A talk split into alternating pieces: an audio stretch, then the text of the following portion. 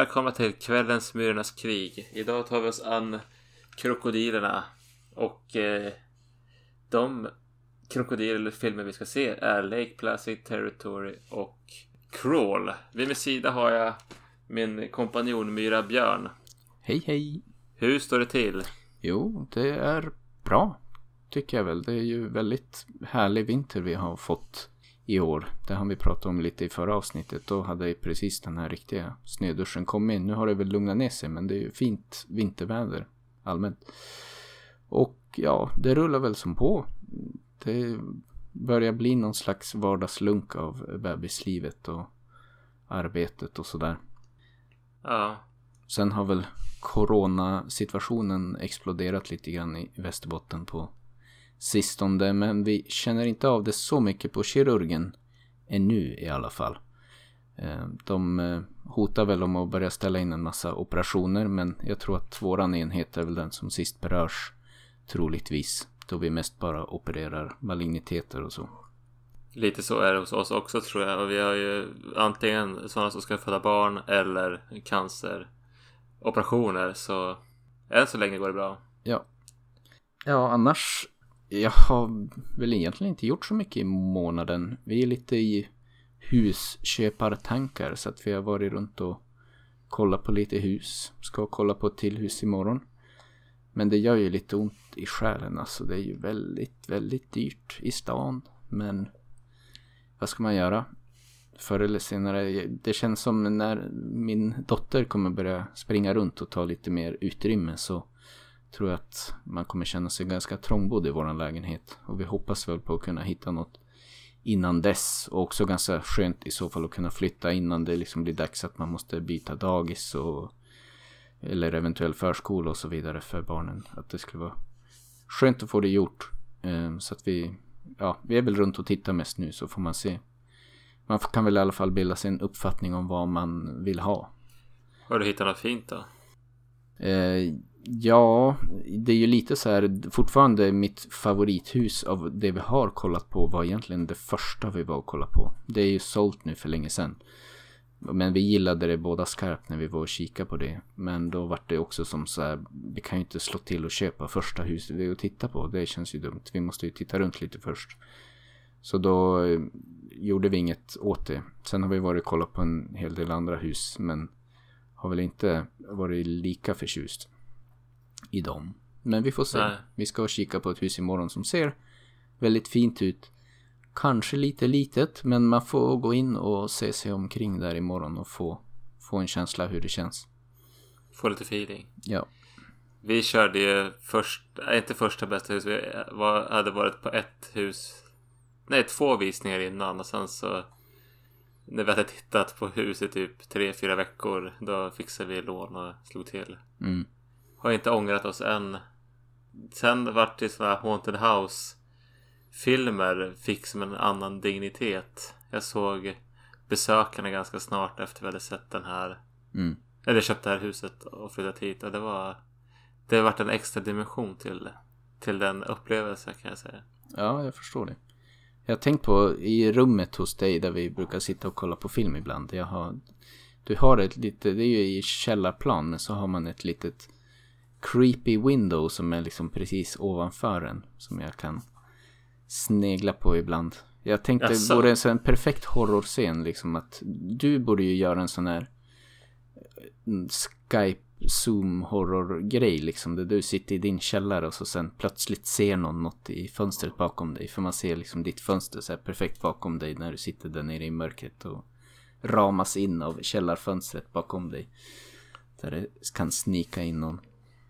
Jag sitter och kollar ut genom det här fönstret nu. Det skulle ju vara lite läbbigt om det var man möttes av ett ansikte där någon gång. Eller hur?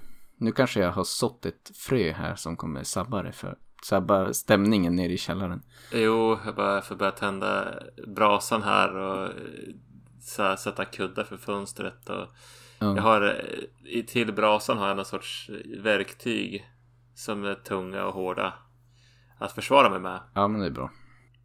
Ja, men annars tycker jag det är en väldigt fin, eh, fin eh, plats här nere i källaren och mysa och kuckelura i och se på film och vila efter jourer brukar jag göra här också. För det här är som ganska tyst och lugnt. Mm. Jag tycker jag kan, när jag är och ser, jag kan aldrig höra skillnad på om det är någon som går i källartrappen eller om det är någon som går upp till övervåningen. Ja, men det problemet kan jag... Det, så är det. det. Det blir lite spöklikt när det inte dyker upp någon här nere och det låter som att någon har gått precis. Ja, precis. Har du hunnit göra något vintrigt i månaden då? Fått åka någon skrana eller damma av skidorna eller något? Alltså min unge fyllde ju två år och då fick hon en ny pulka. Så nu har vi åkt en, jag drar ju runt med henne på gatorna här. Det behövs inte så mycket mer än så. Ja men nice. Och sen är det ju vabruari här så jag har vabbat en del i veckan. Men hon är ju som pigg men snorig så inte på förskolan. Mm. Jag har haft lite feber men det blir en del sådana vintriga aktiviteter. Skidor kan jag inte åka för jag har ont i hälen och skridskor har jag provat. Det var ganska kul. Jag åkte med bonussonen här. Det finns, de har spolat upp ett par planer här där jag bor. Jag inbillar mig att jag skulle vara bedrövlig. Men det kanske är lite som att cykla. Man får dra några skär så kommer man in i det igen. Jo, lite skakigt är det, men det, det går liksom. Mm. Men det är ju som... eh, Problemet är ju att vara 30 plus, då är man mycket större och mer lättskadad än den där åttaåriga. Man slår sig när man faller. Ja. Fick den lille smaka den beriktade tårtan då?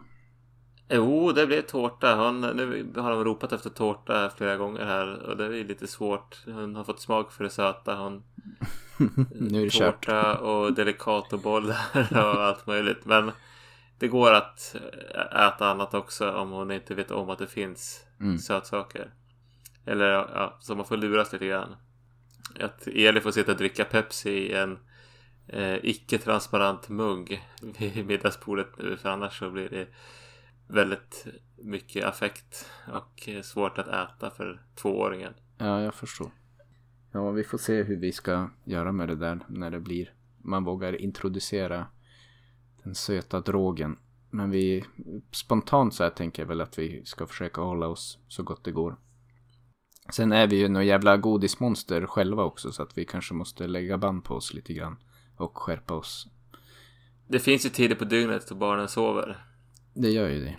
Eh, Det har ju som gått, inte varit något större problem. En gång så hittade ju en pepparkaka som låg på golvet när hon var hade precis börjat krypa. Men det var ingenting som satte några spår. Okej. De vet inte om det som de inte vet om tänker jag. Mm. Nej men det var väl det hela. Sen har, jo jag, hade, jag var ute och gick i skogen här om, om veckan. Och så, så såg jag typ en, det var lite, lite av en skräckupplevelse. Jag hade som eh, det var det som de har stigat upp i skogen så att, man, så att det går att gå liksom på snön för att det är lite mer packat. Och sen så var jag, gick jag på så såg jag en långt fram på stigen så låg det så här, men är det någon pinne som ligger där? Men det, det var en jäkla stor pinne. Så gick jag närmare men det ser ut som att det är någon som har tappat sin en päls. Ja. Typ. Eller något sånt där. Men hur fan lyckas man tappa sin päls utan att märka det? Och så gick jag ytterligare lite närmare. Så här, men det ser ju ut som ett dött djur. Så där, men då ska vi gå fram och titta. Sen när jag kanske var 25 meter därifrån. Då började det röra sig. Då var det typ som en stor rovfågel som satt och gnagde på en annan rovfågel.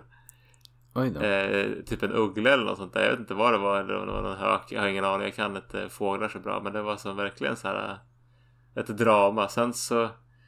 Eh, så tänkte jag inte så mycket mer på det. Så sa jag till Annika, min sambo, att "Ja, men du kan gå och kolla. Det var rätt spännande. Sen så kom hon på att man kanske ska ringa polisen ifall ett rovdjur har dött. Så hamnade det i lokalnyheterna. Oj, oj. Där ser man. Jo. Men jag vet fortfarande inte vad det var för sorts fågel. Men det var en stor rovfågel. Ja. I mina, i, i mina ögon mätt i varje fall.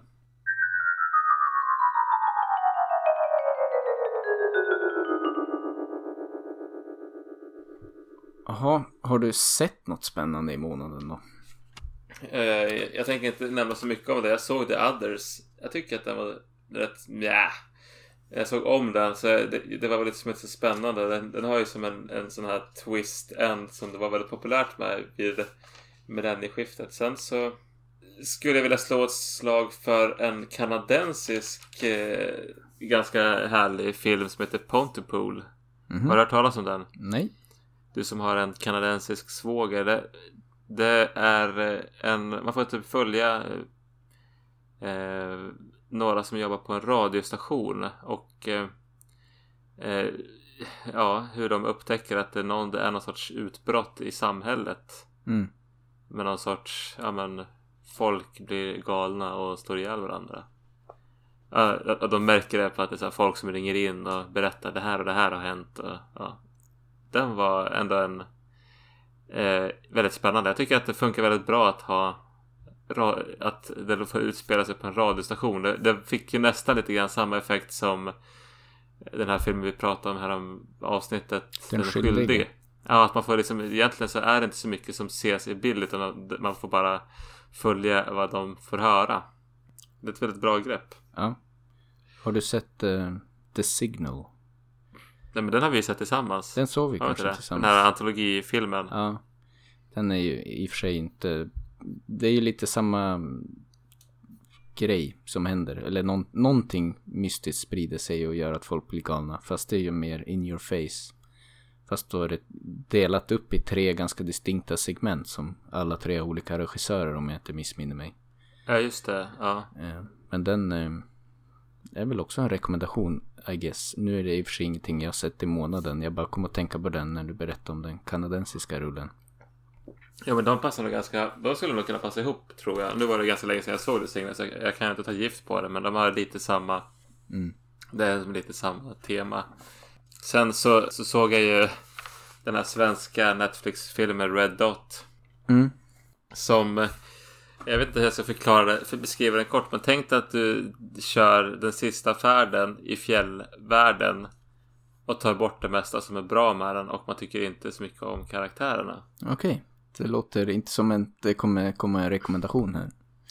Ja, det var, alltså jag tycker det, det, är kul att se den om man, för att den, den utspelar sig i Sverige, men jag tycker karaktärerna är så, jag har så svårt att känna för dem och det är inte så himla bra vare sig skrivet eller filmat. Den är, den är för liten på något sätt. Mm. Att den, ja, jag vet inte hur jag ska förklara annars. Det är ju den är inte helt bortkastad tid kanske, men jag skulle inte rekommendera den. Den hade liksom en... Jag gillade det, visserligen ganska krystad, krystat slut med en vändning, men som var lite oväntad, men mm. ja, som det, det lyfte det. Slutet var, lyfte filmen lite grann, men ja, man behöver inte se den. Okej. Jag fick ju tummen ur arslet den här månaden i alla fall och såg The Autopsy of Jane Doe. Ja, vad tyckte du om den då? Bra, faktiskt. Är, jag har ju fått en rekommendation av dig tidigare att uh, beta av den. Ja. Och så dök den upp i mitt Netflix-flöde någon gång så tänkte jag Ja, Greta sover, vi passar på. Så då såg jag den och ja, absolut. Den är, den är väl värd att se. Trolljägaren är det väl som har gjort den. Höll på att säga, vad heter den? Han, Jaha, är det? Det ja. visste jag inte. Det, jag visste nästan ingenting om filmen annat än att du har nämnt att den var ganska nice. Så det var, det var allt jag hade att gå på. Så då tänkte jag att då, då ser jag den. Du, du, har, du har en sån tillit så att det bara även Erik säger. Erik säger, då gör jag det. Ja. Annars har jag sett väldigt lite film i månaden får jag säga. Det har inte riktigt funnits utrymme för det eller den, de lugna stunder jag fått har jag ofta suttit här vid datorn och då är det inte lika trevligt att se film. Jag lyssnar mycket på filosofi, någon filosofi YouTube-kanal kan jag väl slå ett slag för om man gillar sånt som heter Plastic Pills som det kan ju nästan också vara lite åt horror-esk ibland. En del filosofier är ju väldigt pessimistiska i sin outlook. Men de gör ett, de gör ett bra jobb i att eh, förenkla ganska knepiga filosofiska koncept. Eh, så det har jag fastnat i i månaden. Det har väl varit övervägande mycket sånt. Det blir sådana här YouTube rabbit holes man kan fastna i ibland så är det lätt att bara klicka vidare och så ja, då får man ytterligare mer sånt i sitt rekommenderande och så. Sen är man där. Sen är man fast. Ja men det är väl bra att om man har tid att få greppas tag i Sen såg vi väl bägge två, eh, oberoende av varandra, Vanishing at the Cecil Hotel.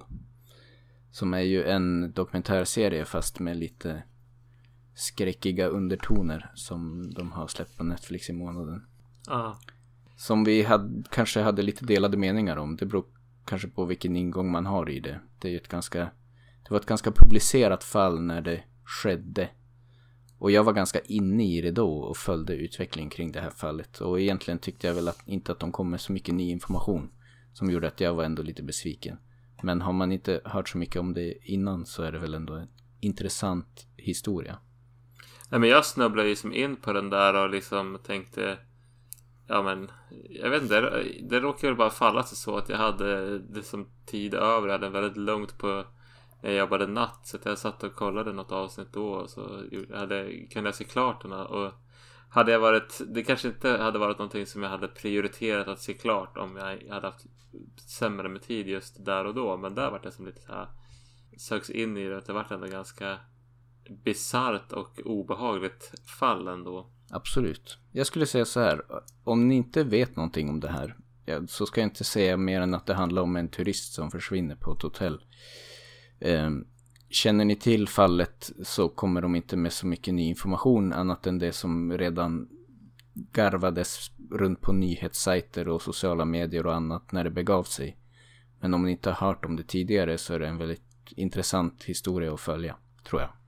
Ja, absolut. Eh, jag, jag, för mig var det som eh, Det var som en, några vändningar där som var ganska En del överraskningar som väntade där. Sen så tycker jag att det var jag störde mig lite grann på alla de här youtubers och nätdetektiverna som beter sig lite hur som helst och sen typ ja men lite obehagligt de här som så här grottar ner sig i någon helt främmande människas stora trauma eller vad man ska säga. Mm. Och eh, som att de liksom leachar på det.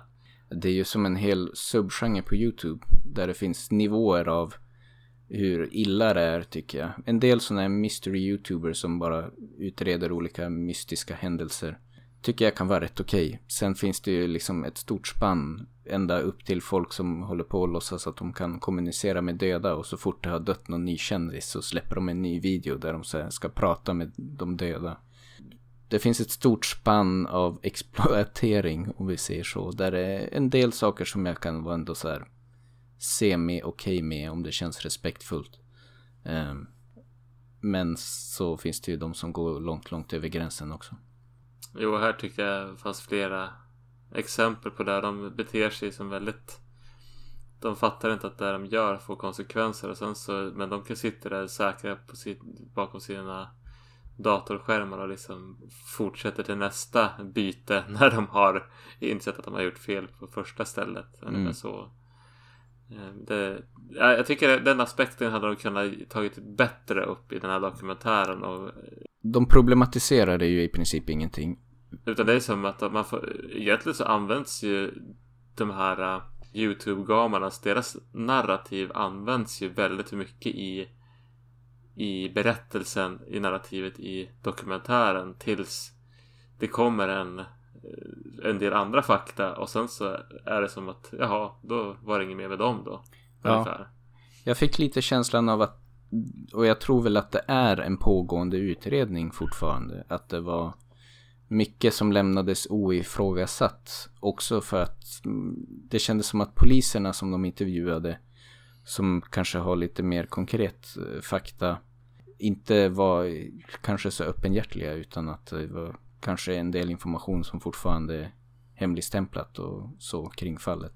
Nej, alltså, så kanske de inte heller vågar uttala sig så mycket om ett så omtalat fall för då kan det bli allt de säger kan komma att bli skärskådat och mm. Absolut.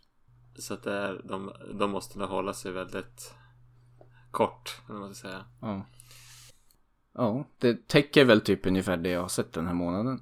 Har du sett The Call som vi pratade om? Nej, jag vet. Jag har lite dåligt samvete över det. Men jag har det på min att göra-lista.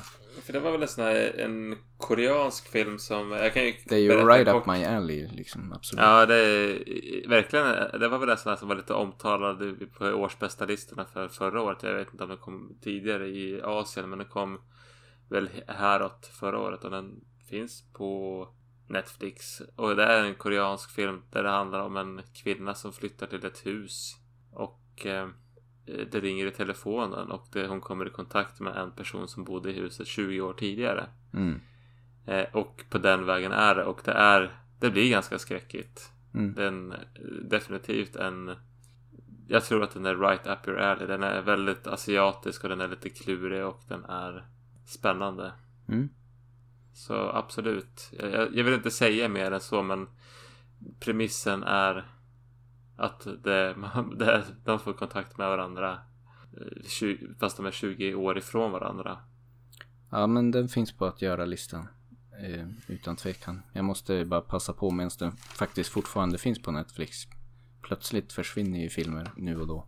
Innan vi bara sätter igång med krokodilfilmerna så mm. jag fick äntligen tummen ur och såg I saw the devil. Ja, men just det. Eh, det är ju ingen skräckfilm kanske per se. Den, är ju, den har ju sånt brutalt innehåll stundtals. Så den är väl otäck på det sättet men eh, Alltså jag, jag blir jäkligt taggad på asiatisk film. Den här var ju, jag var som, eh, jag, jag varit helt uppslukad av det här. Jag fattar inte hur koreanerna kan liksom, de kan ha, göra genrefilmer som, men ändå som har så mycket innehåll i karaktärerna och i deras utveckling som gör att det känns som att de liksom får in ett bra drama i vilken genrefilm som helst. Jag tycker det är som Även en här. väldigt intressant estetik över många av de där filmerna också. Nu det, ska jag väl reservera mig för att det är rätt länge sedan jag såg I saw the devil. Men jag tyckte den var väldigt bra då också. Men det var nog nästan bland annat den filmen med några andra som gjorde att jag fick upp ögonen för nästan hela regionen när det begav sig. Men det började väl med Oldboy för mig eh, way back och då kom man liksom in och började söka rätt på lite andra filmer och varav I saw the devil var en av dem som jag såg då och var väldigt imponerad av. Mm. Om du inte har sett Lady Vengeance så, så är väl det en stark rekommendation då annars i hela den liksom trilogin Oldboy-filmerna är värda att se. Alltså det är Oldboy, Lady Vengeance och... Ja, Mr Vengeance eller något sånt där. Ja just det. Var det inte samma som har gjort eh, I saw the devil va? Nej, jag tror inte att det är det. Men de är, lik varandra. Det var nog mer att jag sökte på Oldboy och folk nämnde I saw the devil i samma andetag många gånger. Så tänkte jag att då måste jag nog spana in den. Liksom. Men i övrigt vet jag inte. Han har väl gjort uh, den här Thirst. Som kanske Okej. finns anledning att beröra i podden. Om man ska göra något vampyravsnitt någon gång. Eh, och så, han är ju rätt spretig. Han har gjort något drama om eh, homosexuell kärlek över nord-sydkoreanska gränsen också. Som också faktiskt är skitbra. Men, Men den här, väldigt vad heter annorlunda. den? Joint Security Area. Ja, exakt. Ja, den är ju riktigt bra. Med den Mm. här svenska FS-soldaten som är Ja, precis. Jäkligt märklig. Men eh, det tyckte jag om. Jag tror att vi, jag inte, vi såg den tillsammans för en massa år sedan. Ja, det kan nog hända. Ehm, Efter att du hade rekommenderat den för mig. Ja. Mm.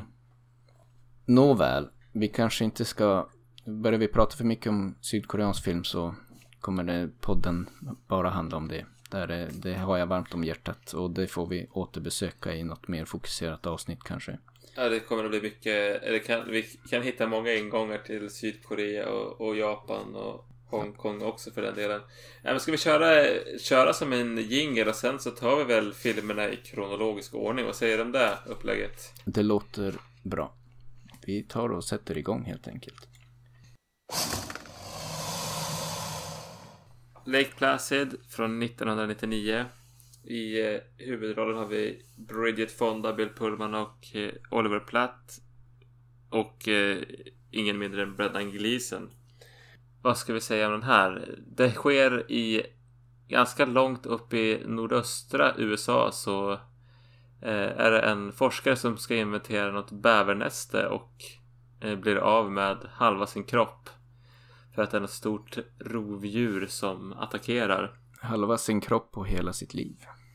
Precis, och det här drar ju till sig eh, intresset för en eh, forskare spelad av Bridget Fonda som är paleontolog på ett museum i New York. Så hon far dit och ska tillsammans med sheriffen Bill Pullman och Brennan Gleeson utreda vad det är för spännande djur som har dykt upp i den här sjön helt oväntat. Mm.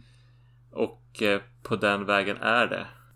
Ja. Det kanske, det kanske inte är så mycket mer att säga om synopsis där. Nej, jag tror att det räcker så.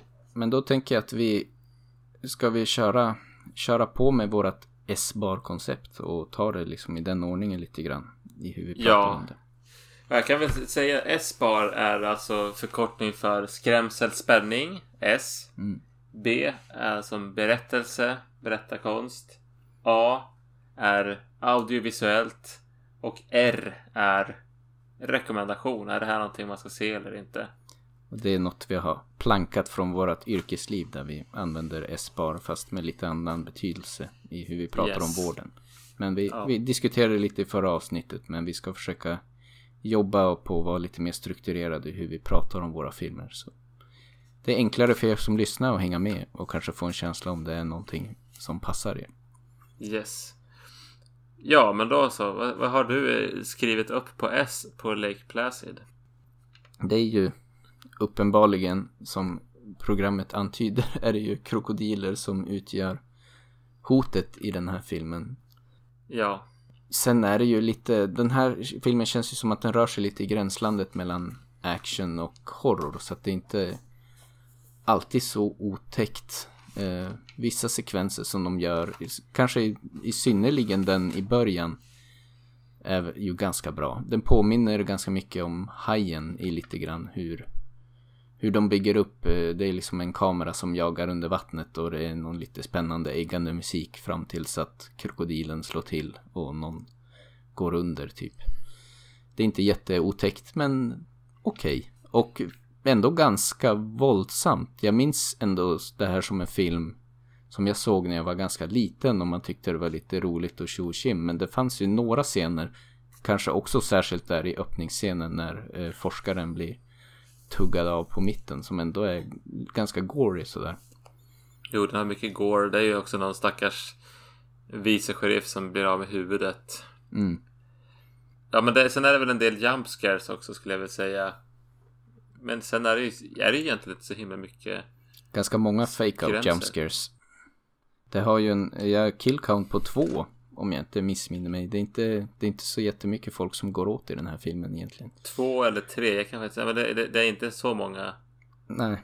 Det är en eller två vice sheriffer Mm. som, som stryker med. Men alltså, det, det, jag får ju som en känsla att att man har lagt, tagit in en, hel stab med vice sheriffer för att man ska kunna, de ska kunna dö av så att man vet att det är farligt att vara där men man vill inte riktigt eh, börja med att döda huvudkaraktärerna Nej. i ensemblen. Eh, sen så tycker jag väl att man kan väl också lite grann förstå tonen. Den är ju lite komedi och den är lite fredag den 13 och det är ju lite Steve Miner som har regisserat den här Mm. som eh, ligger bakom fredag den 13 del 2 vill jag minnas. Som vi snackade om i höstas. Den påminner ju lite grann eh, om liksom slasher i lite grann hur, hur skrämseln görs. Förutom att det är en krokodil här.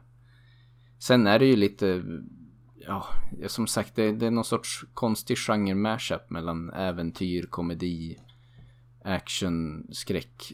Men det är väl egentligen inte en särskilt otäck film, det kan man väl Nej, det, säga. utan det, det, det blir mycket av det andra så det blir inte så mycket skrämsel här. Men det är väl som sagt jump scares och det, det är trasiga kroppar. Mm.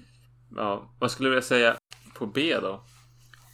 Ja, om det finns någon anledning eh, att se den här filmen så tycker jag väl det är på B. Eh, den är ju ganska mycket tongue in cheek den här filmen. Men med det sagt så tycker jag att det är kompetent genomfört. Det är liksom rapp dialog och man får ju känslan i hur karaktärerna pratar med varandra att de tar det ju inte riktigt heller på allvar. Och det dödar ju lite av skrämselfaktorn också. Det blir nästan gränsar liksom till slapstick i hur karaktärerna beter sig. Jo, Oliver Platts karaktär, han är någon så här rik, excentrisk är en forskare, men han ska simma med krokodilerna och är ju riktig krokodiljägare. Och han håller hela tiden på att gillra fällor som karaktärer fastnar i. Och... Ja, och så blir det lite roliga situationer. Men med allt det sagt så tycker jag att den aspekten av filmen är ändå ganska väl genomförd. Det är underhållande. Det tycker jag ändå. Jo, det känns väldigt... Jag, jag hade roligt när jag såg den här. Det var väldigt mysigt. Du nämnde ordet matinéskräckis någon gång när Ja. vi såg det och det tycker jag väl äntligen stämmer in ganska bra. Lite som när vi såg Hajen också back in the day. Att jag minns Hajen som mer skräck än vad den kanske var men den har också ganska mycket av det här äventyrsfilms-feelingen över sig. Eh, som inte nödvändigtvis är dåligt men det, det är bara så det är. Och make of that what you will. Om det är något ni tror att ni skulle tycka om så kanske Lake Placid är något som passar. Inte lika begåvat som Hajen, men eh, definitivt sevärd, skulle jag säga. Ja. Den, var, ja, men den är, berättar, det är en liksom, de är, det är lite kärlekshistoria, det är lite eh, det gnabbas mellan Oliver Platts karaktär och han den här typ sura, buttra Brendan Gleeson, sheriffen som ja, de finner varandra till slut kanske. Mm. Nej men det är väl, så det, det, det här är gnabbandet och det, sen så kanske man den här Bridget Fonda och Bill Pullmans romans. Den bara, det, det är som, man vet att de, det ska bli någon, det ska slå gnistor där men det är ingenting som man ser under själva filmen egentligen, tycker jag. Det är ju aspekter av det här som också kanske inte har åldrats så väl. Om Nej, Det finns ju en nostalgifaktor här som jag ändå drabbas lite av. Men Bridget Fondas karaktär är ju lite av en damsel in distress som egentligen inte är liksom, ja, det finns säkert något fint ord för det. Men hon gör liksom inte så mycket annat i filmen annat än att eh, hamna i trubbel och behöver bli räddad och är snygg typ. och sen så är hon en storstadspingla som är typ men var är toaletten någonstans? Oj, jag bröt en nagel. Nu kanske hon inte bröt en nagel, men det är Mm. den typen av Åh nej vad jobbigt det är att vi är Ändå ska följa med ut i båten men oj vad hemskt det är att vi är ute på Mm. Jag kan få vatten i håret Ungefär så Så det, det kanske, man får lägga en liten nostalgivarning där. Jag fann det underhållande men det är ju en, verkligen en 90-talsfilm.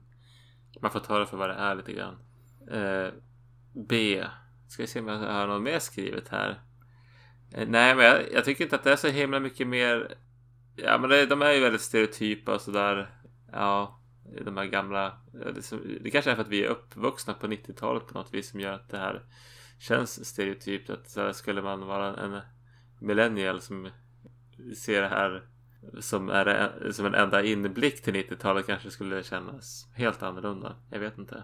Som inte har, inte har något tidigare förhållande till 90-talet. Ja, Det här är ju det här skiten jag är uppvuxen på. Det kom Ja. liksom en våg av liknande filmer, typ Anaconda och lite sådana här filmer i, mot slutet av 90-talet som jag tyckte var skitcoolt då när man var liksom 10 bast och hade äntligen börjat våga se lite liksom kusligare filmer.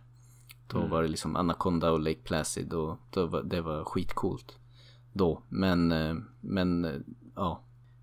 Jag tycker om det. Eh, Men det är ju ganska åldrat. Den, den är daterad film.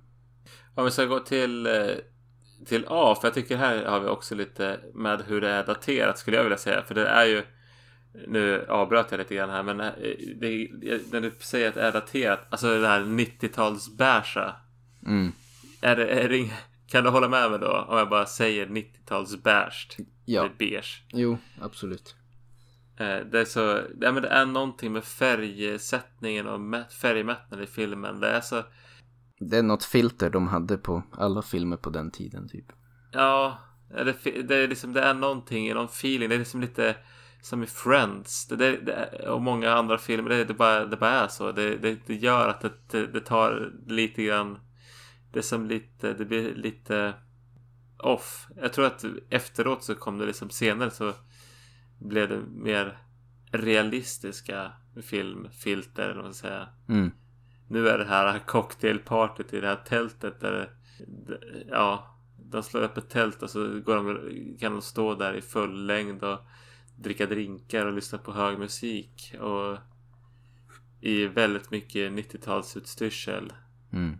Att det liksom är lite saga över det. om jag ska säga något till den här filmens fördel, kind of. Vi störde oss ju på i en tidigare krokodilfilm vi pratade om i förra avsnittet som var kanske lite upprinnelsen till att vi började prata om det här. Att i den filmen kritiserade vi att de använde väldigt mycket CGI och CGI var inte så himla bra. Den här CGI måste jag ändå säga för sin tid. Om man ser till att det är en film från 99 är lite när CGI ändå var ganska nytt så tycker jag att det är ganska bra. Eh, sen förstås hade jag ju gillat att få se riktiga krokodiler eh, likväl som jag sa när vi pratade om den förra filmen. Men med det sagt, CGI är ändå kompetent för tiden tycker jag. Krokodilen ser relativt verklig ut även om den är liksom oversized. Jag skulle vilja säga att eh, om vi ska jämföra med en annan film från 99 som vi har pratat om i ett opublicerat avsnitt är ju eh, The, The Haunting från 1999. Mm. Som också, alltså om man jämför CGI i de här två filmerna så känns det som The Haunting. Där lektes det mycket med CGI. I Lake Placid känns det inte som att CGI används bara för att den finns. Utan här är, är CGI för att lösa problemet hur ska vi få hit en krokodil i filmen. Ja. Och det gör en ganska stor skillnad tycker jag. Sen och på det audiodelen av det audiovisuella så är det ju mycket mer äventyrsfilms-feeling. Där kommer vi liksom lite mer av det här matiné filmskänslan in. Som också tar udden av skräcken ganska många gånger. Att... Ja, musiken känns ju väldigt stor och matinéig och för att säga, bara nämna en sak som är i det audiovisuella väldigt matinéig då. Mm. Annars vet jag inte.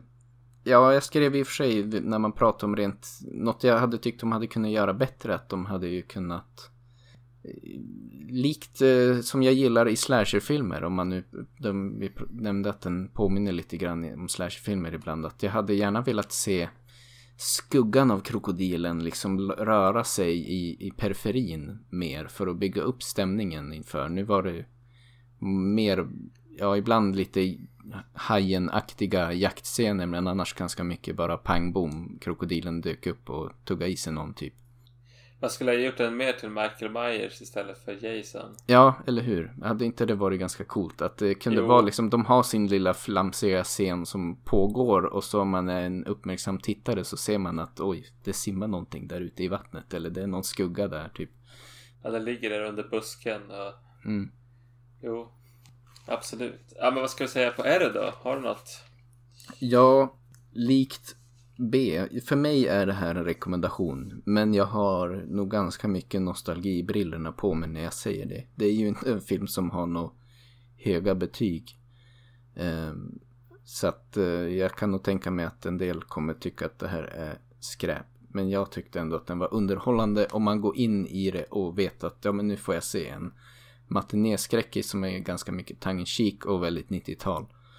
Jag gillar det. Alla kommer nog inte gilla det. Jag tycker att det var trevligt skräp och det är ju ändå en, det är roligt med lite filmstjärnor. Jag fattar liksom inte det, att hur de fick ihop det här. Jag tycker väl ändå att de levererar hyfsat bra. Så jag, jag känner att det här är en film som jag nog kommer att se igen. Kanske när Eli blir tillräckligt stor för den här typen av film. Mm. The death roll breaks the prey into bite-sized chunks. Sen då Territory från 2007 i regi av Greg McLean. Och i huvudrollerna har vi då Reda Mitchell och Michael Vartan. Territory handlar om, ja det är väl egentligen Michael Vartens karaktär som är någon form av rese, resande journalist som gör resereportage. Som ska ut i bushen i Australien för att följa med på någon eh, krokodiltour, typ. Eh, väl ute på den här krokodiltouren så ser de en nödraket gå upp i luften och ska åka dit för att utreda. Varefter båten blir attackerad av något stort och blir strandad på en liten ö mitt i floden. Eh, med ja, de här två karaktärerna då och en stor grupp turister som följer med på båten. Eh, så där är de fast, tidvattnet strömmar in Eh, det är krokodilinfesterade vatten och de måste ta sig därifrån. Och på den vägen är det. Ja. Och eh, ska vi börja med ett S? Ja, ehm, jag tyckte ju att öppningen i den här filmen S-mässigt, om vi säger så, var ganska bra. För från början i alla fall i filmen så nyttjar de väldigt mycket riktiga krokodiler.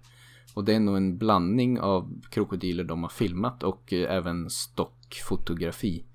Då tänkte jag att nu får vi en riktig krokodilfilm liksom den kändes rätt grundad i verkligheten. Och jag... Ja, precis. Att den är, som är verkligen jordnära på något vis. Mm. Sen eh, tyvärr spårar det ju ur. Eh, nu kommer en lite spoiler alert, men det visar sig ju att i det här territoriet de har hamnat då till slut och blivit strandade med båten så bor det en supermuterad jättekrokodil som eh, börjar döda av dem då. Vilket jag tyckte kändes synd liksom. Det, vanliga krokodiler är läskiga nog. Man behöver inte ha en gigantisk muterad superkrokodil som sväljer alla i ett nafs. Nej. Det var, det var en missed opportunity där och den började helt annorlunda. Eh, så att eh, S-mässigt tyckte jag den tappade allt eftersom filmen gick. Sen eh, betar de ju av eh, karaktärer här i en rasande takt som blir knipna av krokodilen. Men väldigt mycket är off-cam. Den är inte, det är inte en särskilt våldsam film utan det är Ibland, det var ju liksom någon scen där det var som att vi inte ens riktigt förstod om någon hade dött eller inte för att de stod typ och snackar och så plötsligt var de en mindre men man märkte knappt att något hände. Det var knappt någon som reagerat. Man hörde ingenting heller, det var bara borta Mm. Jo, det var ju, ja, det, den lyckades som inte förvalta. Det var som, det, som sagt, det, folk bara försvann. Istället för att det blev något runt det där. Ja. Eh, Sen så tycker jag att de är bra. De ägnar ju ändå ganska mycket tid åt att Ja men det tar tid att åka på den här safarin. Det, det känns verkligen som att de är långt ute i ingenstans. Ja. Och det dröjer tills de får hjälp. Och det skapar ju som en utsatthet. Och det skulle ju kunna vara bra. Men det känns inte som att det känns av någonting sen. Nej, de misslyckas med att förvalta sin miljö om vi nu säger så. Men de lyckas ju etablera dem. Göra dem isolerade. Men sen så spelas det inte så mycket på det. Nej, och eh, ja, jag tycker också som sagt de lyckas etablera vanliga krokodiler inom citationstecken som en scary villain liksom när hon, de åker runt på den här turnén och hon berättar lite grann om krokodilerna och hur effektiva mördarmaskiner de är ungefär. Ehm, och sen kommer superkrokodilen då som I don't really get it varför de behövde ha med. Det, det, det hade varit nog otäckt att vara strandsatt på en ö som är på väg att försvinna under tidvattnet och det är bara vanliga krokodiler där.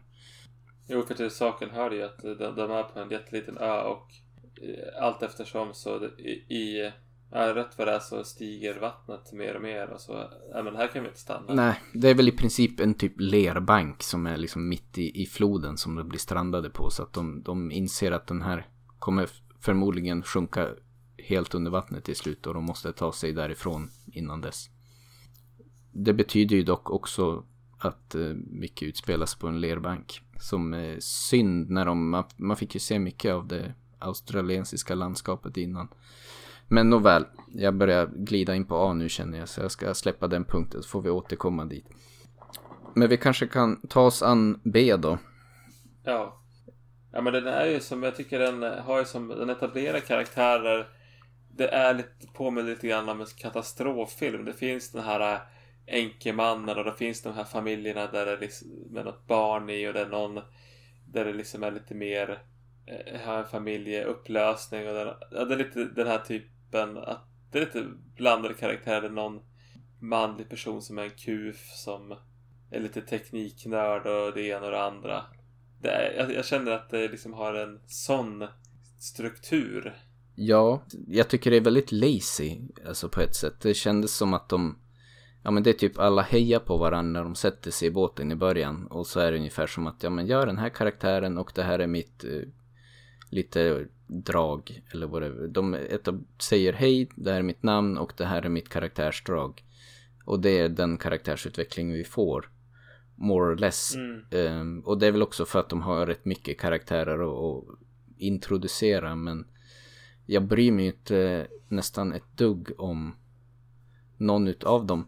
Den enda som jag kände så här lite grann för, det var ju en, han som etablerade sig som kom dit ensam och man inser så småningom att han är där för att sprida sin förlorade hustrus aska i floden för det var deras sista planerade semester. Så tänkte man, okej okay, det var ganska fint och de gjorde det ganska subtle och ganska bra. Sen spårar ju han ur dock, så då liksom, han tappade mig då halvvägs i filmen, men han var typ den enda jag kände lite grann för eh, från början. Ja, så du nu hakar tag i för att hänga med på den här resan ungefär. Mm. Det var tappa. Ja, men jag håller med. Det var som... Ja, det, det är lite för mycket kartonggubbar. Ja. De är där för att kunna ha en body count, I guess. Och de enda karaktärer som i viss mån spelar roll, det är den här uh, resande journalisten och uh, tourguiden som också etablerar lite grann en relation med varandra. Men som jag tycker inte heller är särskilt bra gjort. Alltså de, det ska väl vara något sorts av love relation maybe. Eller kompisrelation.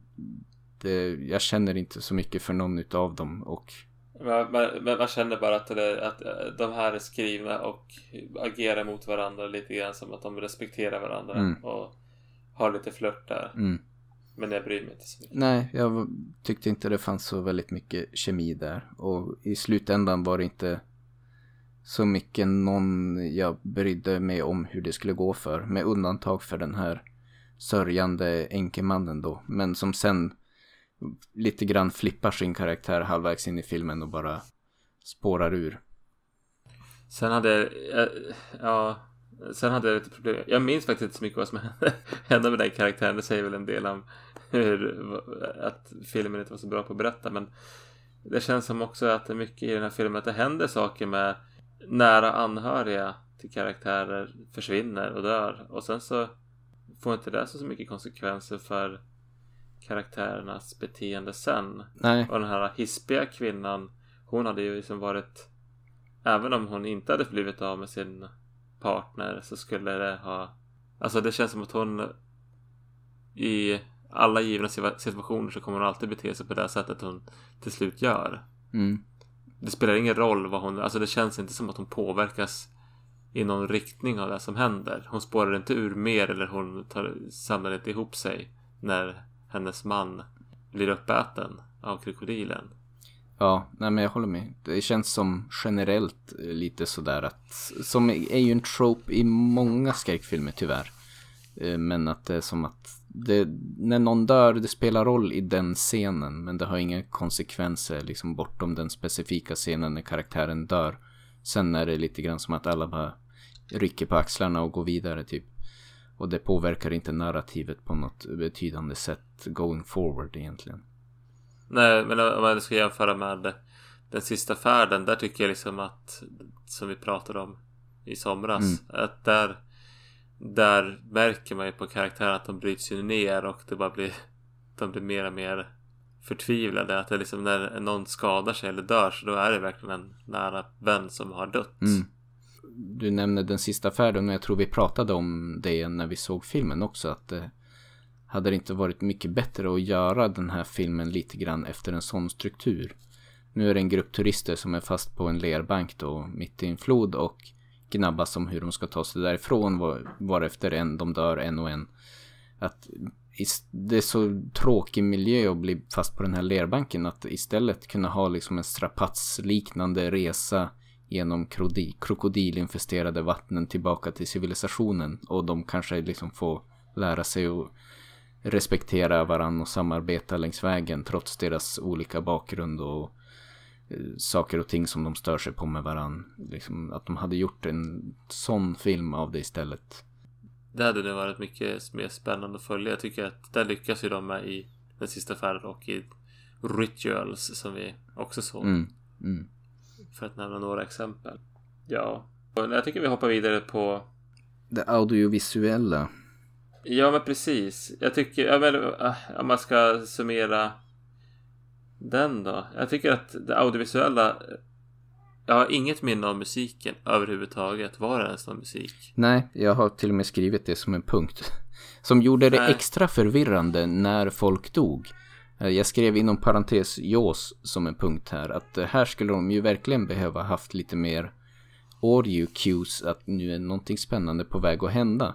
För det var folk som dog på ett löpande band.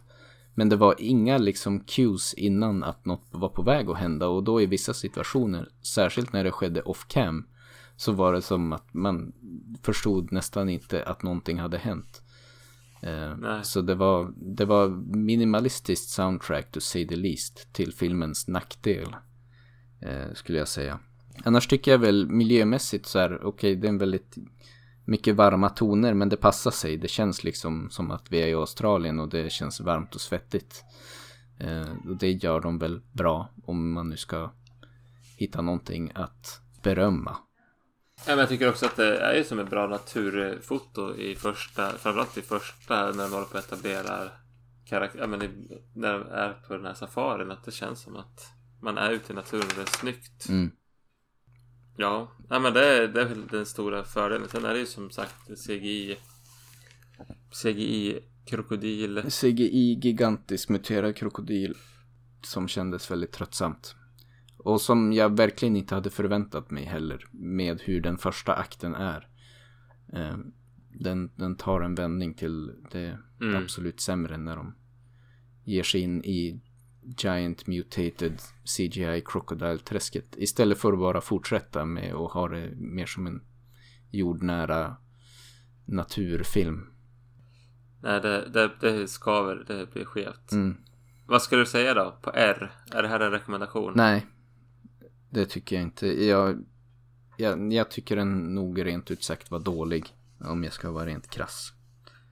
Jag försöker lite grann gripa efter halmstrån för att hitta saker och ting och berömma. Och det som finns att berömma är väl den första akten. Men sen tappar de det ju totalt. Men eh, den sista färden med krokodiler, det var det jag hade hoppats på att få se. Men tyvärr icke så denna gång. Ja, men jag känner detsamma. Mm. Den behöver man inte se. Men det finns en DVD här som är det någon ivrig lyssnare som trots den här fina recensionen ändå vill se se den så är det bara att skicka ett meddelande till Myrornas krig på Facebook eller till krigmyrornas gmail.com med adress så Då styr vi upp det där. då kan det fixa sig. Mm. Annars så kanske den hamnar i den här lånelådan ute i, i båda grundet. Ja men den passar, är väl en bra film att se i båda grundet om inte annat. Jag tittar på en del gäddfiskevideos här på sistone också. Det känns som det, det är Sveriges krokodiler där när de blir tillräckligt stora. Ja, de är fan läskigare nästan. Ja, så att det, det kanske är en bra film att, att titta på innan man ska ge sig ut och dra några feta gäddor. Ja, då blir man inte så jävla kaxig längre. Ja, men ska vi köra en jingel på det och hoppa vidare till eh, nästa eh, nummer? Det gör vi.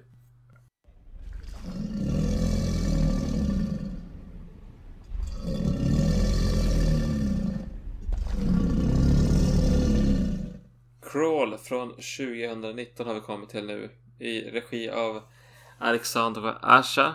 En fransos som har gjort eh, Switchblade Romance och eh, The Hills Have Eyes bland annat. Ingenting jag har sett men ska vara omtalad och omtyckt.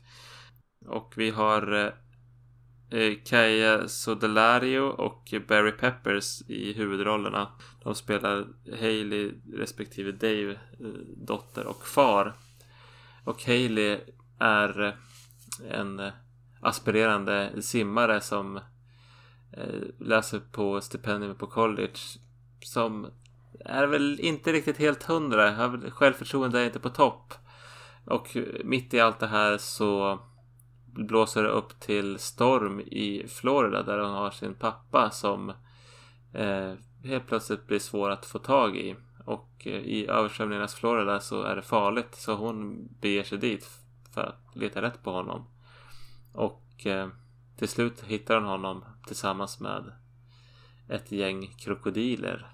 Det blir en kamp på liv och död för att ta sig därifrån. Mm. Ska vi ge oss in på S på en gång här. Ja, vi gör väl det.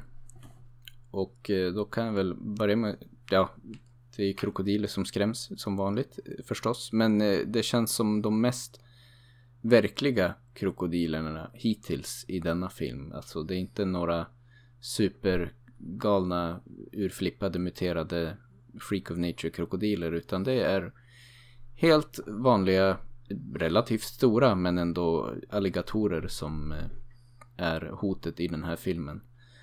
Och de är lite överallt och det är lite trånga utrymmen som de trängs på. Ja, de etablerar väl inom kort scen när hon är på väg att köra till sin far att det är någon stor alligatorfarm där intill. Ja. Och sen eh, är det ju några dammar där mot havet som brister och så börjar liksom vattnet strömma in i samband med att den här eh, stormen drar in och eh, alligatorfarmen svämmar över och sen har de plötsligt ett bostadsområde som är helt översvämmat med vatten och massvis av krokodiler.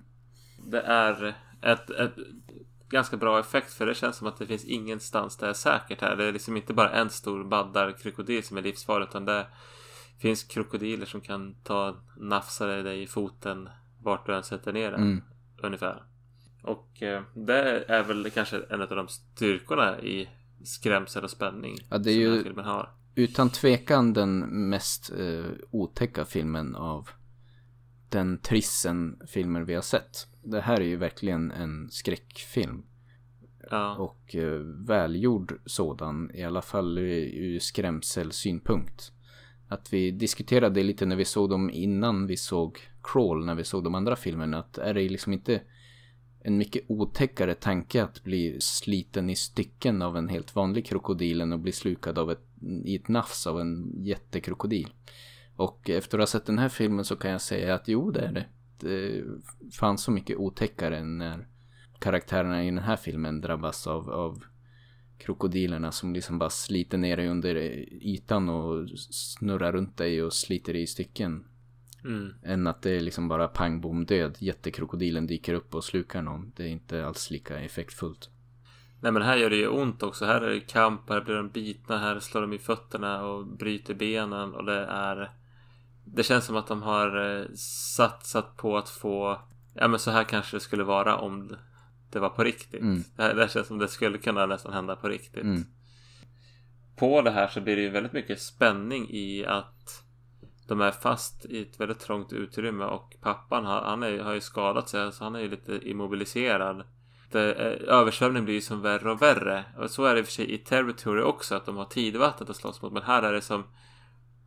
Ja, här tycker jag de använder den, det greppet bättre. Det känns som att det liksom hela tiden...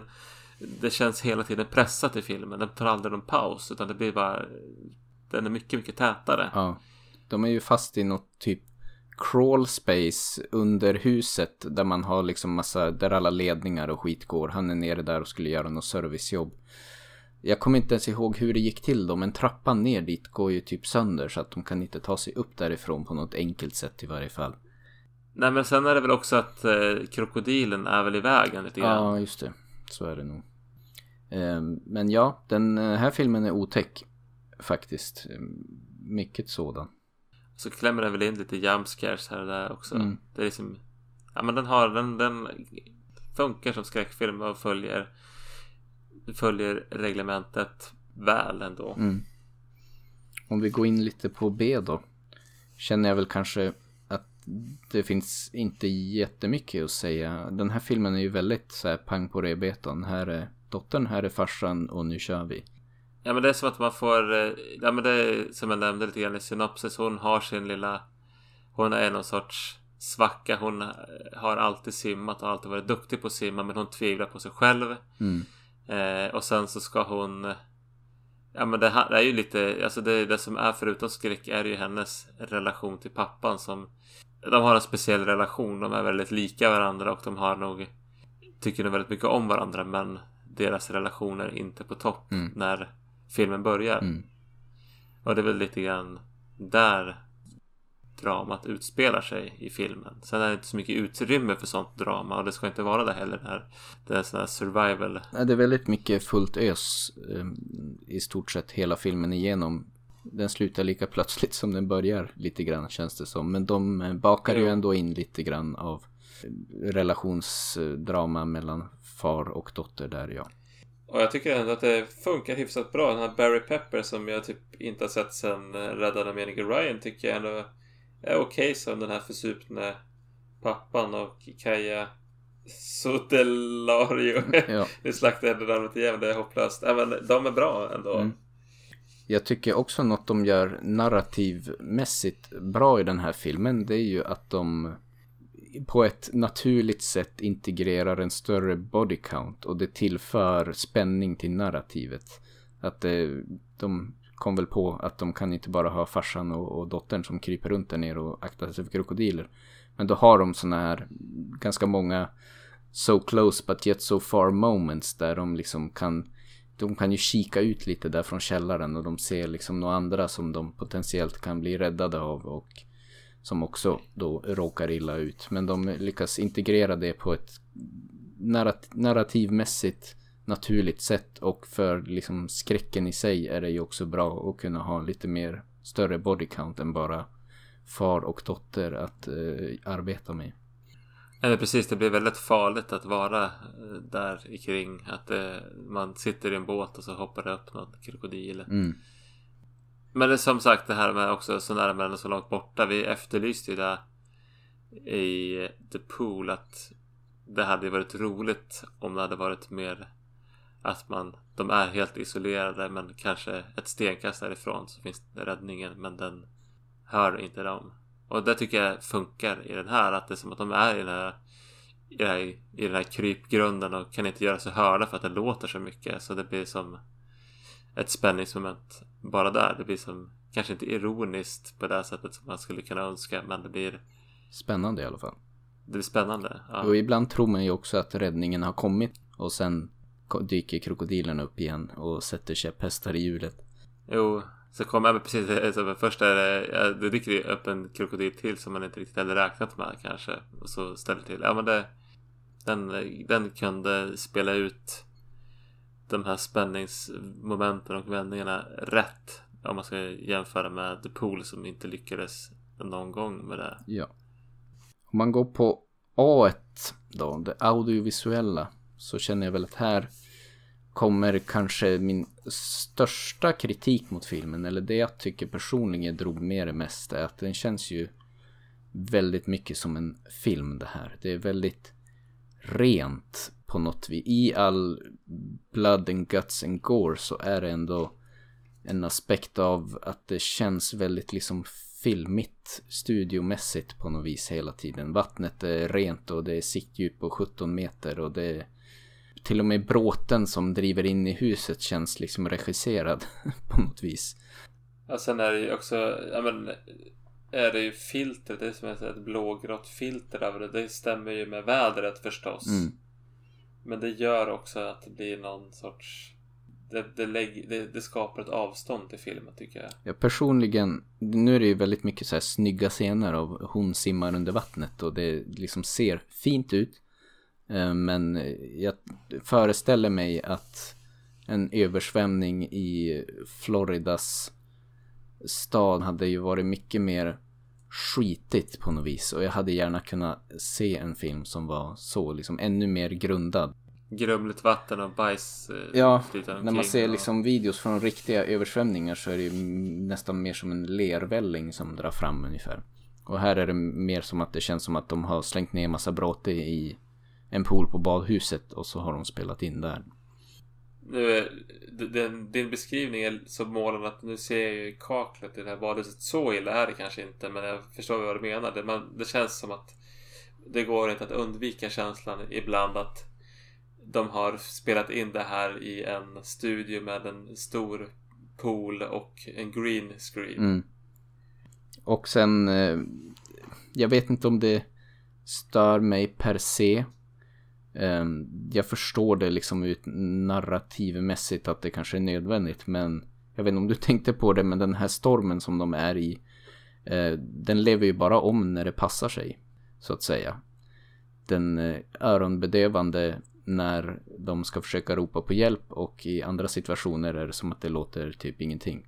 Att det är ganska ojämnt så. Sen hade det kanske varit ganska störigt egentligen. Det, det är en sån där grej som jag bara noterade men vet väl egentligen inte vad jag tycker. Det hade väl, jag kan också tänka mig att det hade varit ganska irriterande att behöva lyssna på en örondövande storm hela filmen igenom.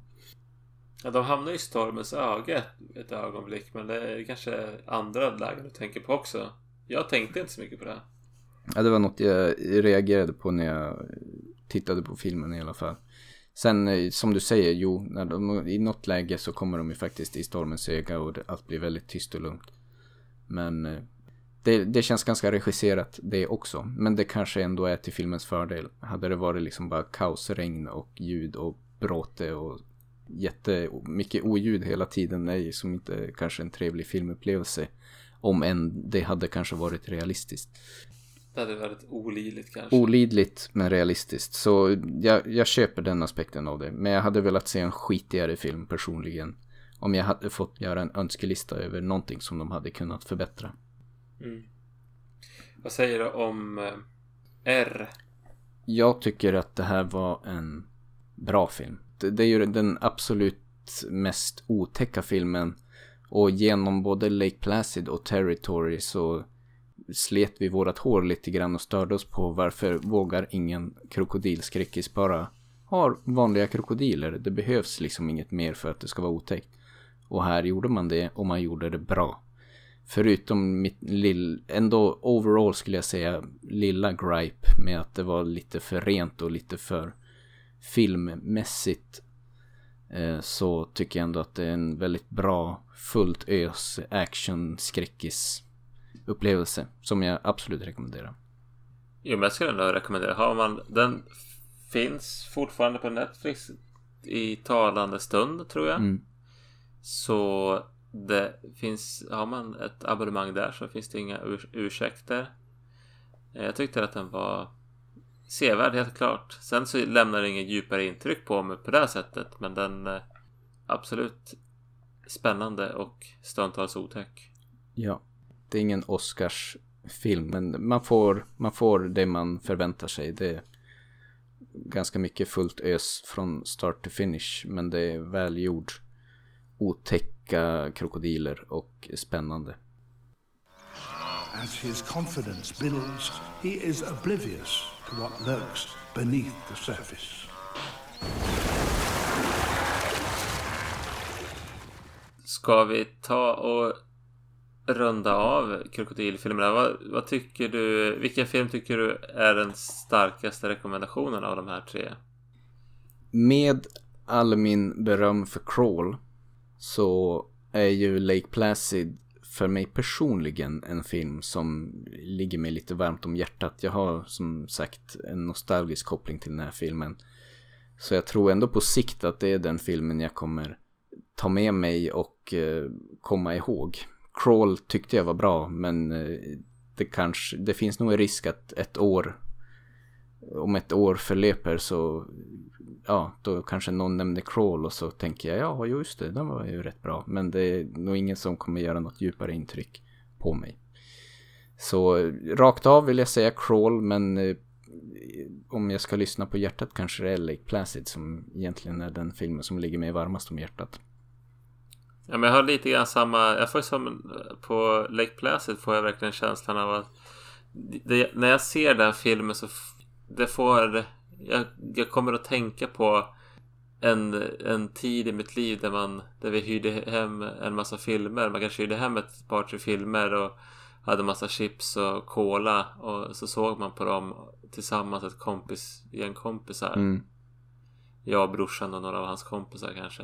Alltså det, det, liksom, det, det känns som en, en film som man hade kunnat se då och därför känns det som en filmupplevelse. Det lyfter filmupplevelsen lite grann. Sen är den ganska rolig. Yeah. Eh, sen så tycker jag Crawl är eh, som skräckfilm den, det starkaste kortet i kvällens... Ja, nästan utan konkurrens känns det. Absolut. Mm. Eh, men den här Lake Placid, det är ju som... Den, den, den, den har något ändå. Mm. Så det är, svår, det är svårt att bestämma vilken som var absolut bäst. Eller bäst och bäst. ja, precis. Ja. Har ni inte sett någon av filmerna och inte är så jättehet för en nostalgitripp så är det skräckfilm ni är ute efter så är det Crawl ni ska se, utan tvekan. Är ni ett barn av eh, typ 80-talet då som är uppvuxen och haft mycket av sina formativa år på 90-talet så är Lake Placid en härlig nostalgitripp. Annars då generellt, vad säger vi om krokodiler som skräckfilmskoncept och monster? Ja men det som, nu vet jag inte hur krokodiler är i verkligheten. De är väl kanske inte lika snabba på land som de är i vatten. Och det kanske gör dem lite begränsade som skräckfilmsmonster. Att man måste som placera, placera karaktärerna i väldigt prekära situationer. Och det kanske lätt blir krystat Ja. då.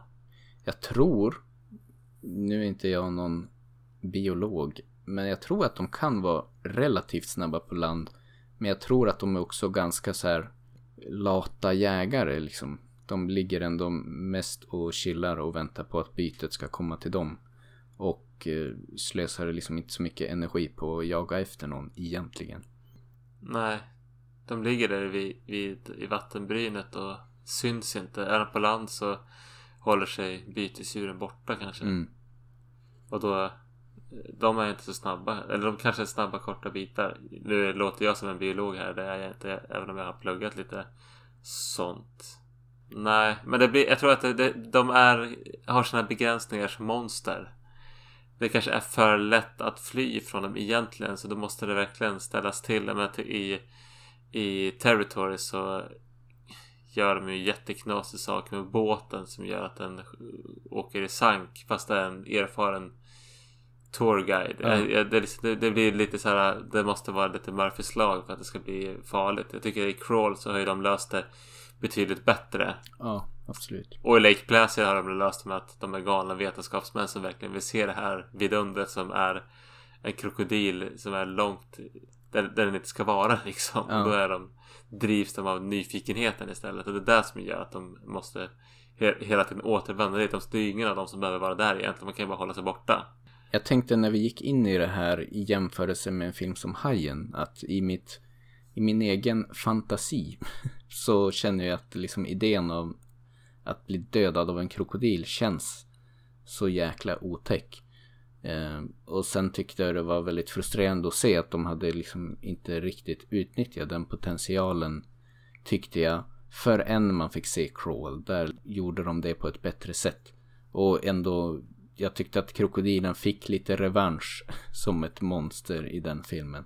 Som är väldigt otäckt och behöver inte vara något mer än vanliga krokodiler för att vara det. Men det är nog som du säger, det måste vara ganska extrema situationer som krävs för att det liksom ska funka. Alternativt att det är någon freak of nature krokodil som i Territory som inte följer normala krokodilers lagar. Eh, men som kändes i alla fall i den filmen väldigt cheesy och b på något vis. Ja. Absolut. Jag, jag, jag tycker... Ja, det var bara Crawl som lyckades ro det där i land. Ja, men det, jag tror att det är, krokodiler och hajar för den delen också har ju sina begränsningar som skräckfilmsmonster. Fast i hajen så är det mycket... Då har man ju den här liksom den lite större berättelsen som gör att det känns som att det faller på plats. Varför de ska utsätta sig för den här hajen och att Mm. och eh, att det ändå hela tiden är den här diskussionen mellan myndigheterna och turisterna och hela att det här där dog det en turist men vi vill ändå ha stränderna öppna om man säger så. Ja, de säljer det bättre i hajen. Ja, vad ska man säga? Krokodilen får väl godkänt. I guess maybe. Men det, Ja, det är lite krystat.